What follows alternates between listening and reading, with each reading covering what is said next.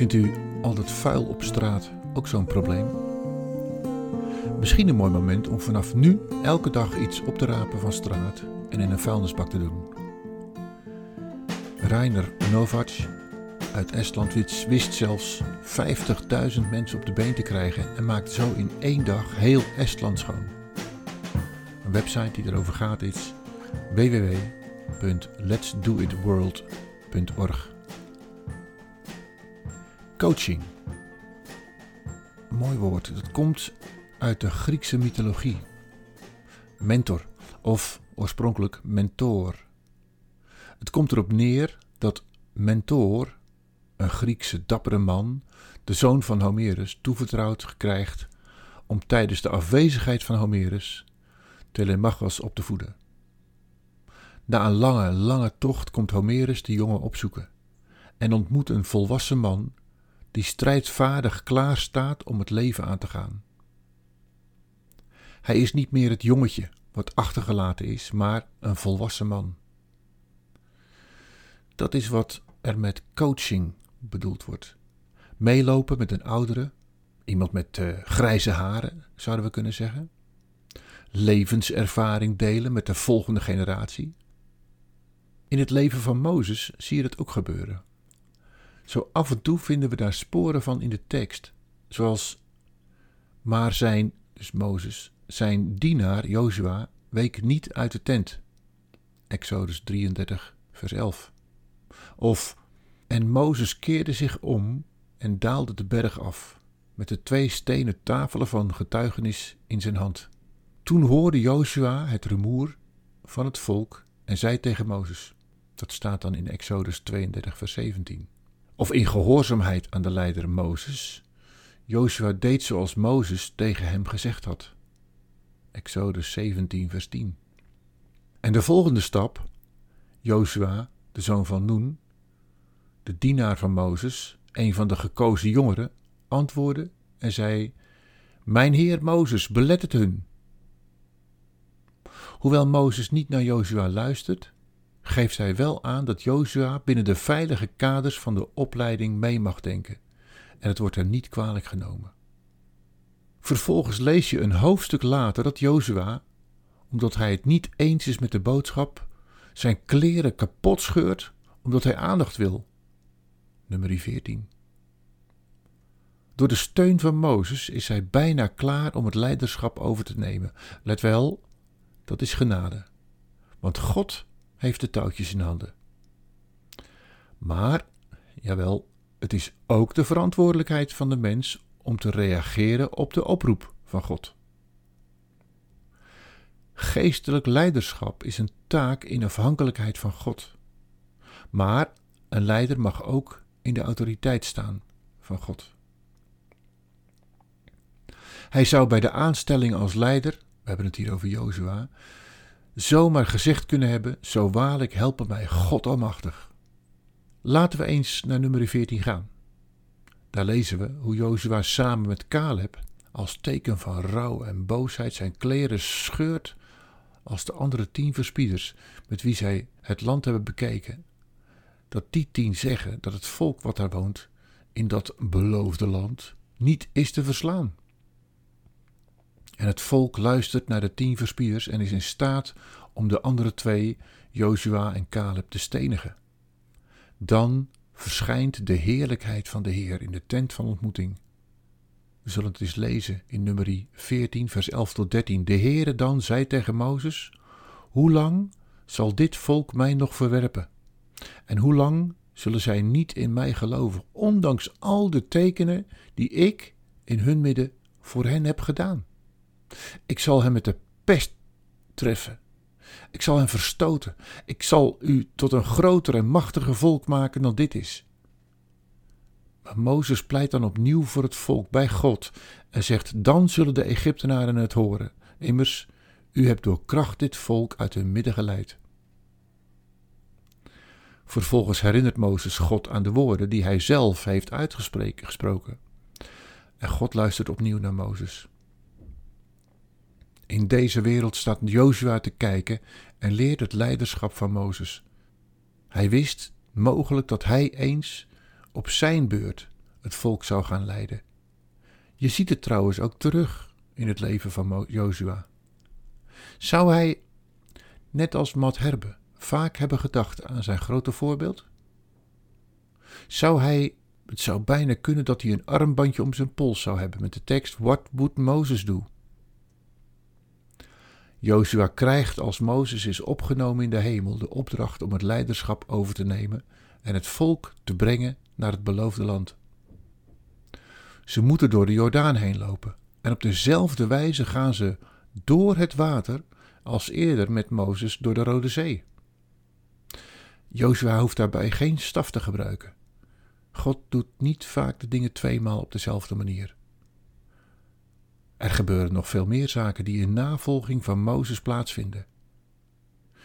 Wat hieraan ook belangrijk is, is dat die oudere die jongeren op weg helpt. Durf jij een jongere in je keuken van jouw leven te laten kijken? Of durf jij aan de hand van een oudere te leren? Met name binnen de kerkelijke structuur is het van levensbelang om zo naar de gemeente te kijken. Als de ouderen te lang vasthouden aan de tradities, omdat het nu eenmaal zo hoort, kan de aansluiting voor de jongeren behoorlijk verstoord worden. Het is zaak niet de essentie te verliezen in de opdracht, maar ook niet te stranden omdat de aansluiting verloren is. Daar zijn veel boeken over geschreven. En organisaties als Youth for Christ zijn dagelijks bezig om mee te denken met de kerk in het licht van jonge mensen. Ze zijn uiteindelijk degene die het licht moeten aanhouden. Ja, of uitdoen. Net wat je wil. In Eusebius' boek over de kerkgeschiedenis staat een bijzonder verhaal over het overdragen van de verantwoordelijkheden van de ouderen naar de jongeren. Luister naar dit verhaal. Het is opgenomen in het boek van Eusebius. Clemens, Alexandrijns christelijk schrijver, heeft geleefd van 150 tot 213 na Jezus. Hij heeft in een geschrift, welk rijk mens zal behouden worden, een leerzame situatie beschreven. Het verhaal gaat over Johannes, die na de dood van de tiran van Patmos terugkeert naar Efeze. Clemens begint zijn pleidooi met: Luister naar het volgende verhaal. Geen fantasie, maar echt gebeurd. Johannes reist rond in de omgeving van Efeze en in de heidense buurten sticht hij gemeenten. In sommige stelde hij oudsten aan om de gemeente te leiden. En op een van de rondreizen komt Johannes een jongeman tegen die er goed uitziet, vriendelijk is en een vurige geest heeft. Hij vertrouwt de jongeman toe aan een oudste van de gemeente met de vraag om te zorgen voor deze jongen. De oudste voedde hem op, zorgde voor hem en leidt hem in geloof, zodat er een moment komt dat hij de jongen doopt. Vervolgens meent de oudste dat hij wel klaar is met de klus en laat hem los. De jongen komt met verkeerd volk in aanraking, raakt aan lager wal en wordt crimineel. En vanwege de geestelijke ervaring schopt hij tot leider van de bende. Kortom, het werk van jaren is in een korte tijd verloren gegaan. Er ging enige tijd voorbij. Op een zekere dag liet men Johannes komen om een kwestie te regelen. De apostel kwam, regelde die zaken waar hij voor gekomen was, en toen zei hij: Wel, opziener, een tijd geleden hebben ik en Christus, in tegenwoordigheid van de gemeente die onder uw leiding staat, een waardevol pand onder uw hoede gesteld. Geeft u nu maar terug van wat er geworden is. De opziener raakte een beetje in de war, omdat hij dacht dat hij een som geld moest terugbetalen die hij niet eens ontvangen had, maar daarvoor wel schuldig gesteld werd. Hij kon echter eh, natuurlijk geen beheer voeren over iets wat hij niet had. Anderzijds wilde hij niet twijfelen aan wat Johannes vroeg. Maar toen zei Johannes: Ik vraag die jonge man terug en de ziel van een broeder De oude opzichter zuchtte diep en begon te huilen. Hij is dood, zei hij. Dood? In welk opzicht?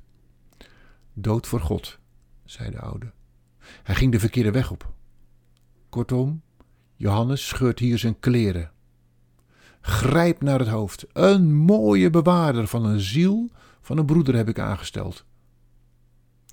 En de oude Johannes laat een paard komen, gaat op zoek naar die jonge man. En hij laat zich bewust gevangen nemen om vervolgens te vragen naar de bendeleider. De jonge man herkent Johannes meteen en probeert te vluchten. De oude Johannes rent achter hem aan en roept: Mijn zoon, waarom zou je vluchten van mij, je vader, oud en ongewapend? Heb toch meelij met mij, mijn zoon, wees niet bang. Je hebt nog hoop van leven. Ik zal voor jou rekenschap geven aan Christus. En als het nodig is, zal ik vrijwillig de dood sterven voor jouw leven, zoals de Heere het ook voor ons deed.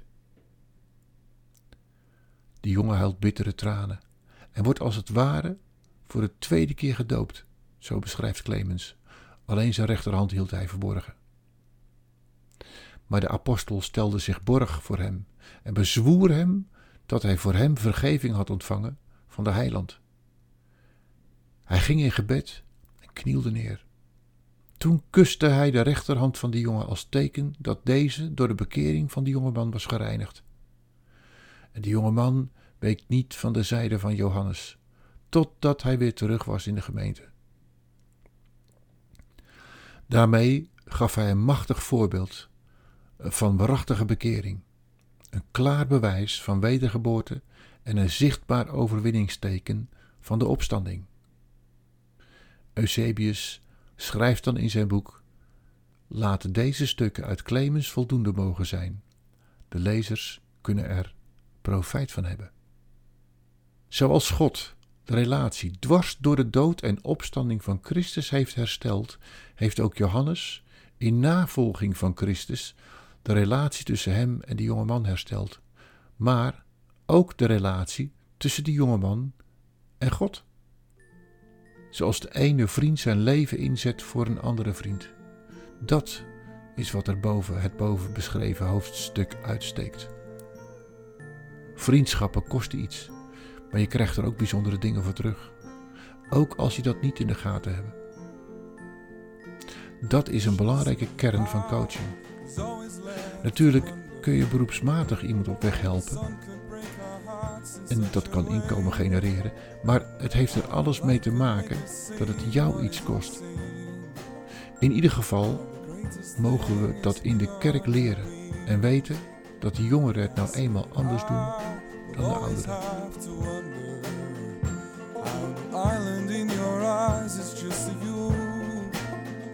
All the songs we sing are more than just a melody, The hints of the unreturned.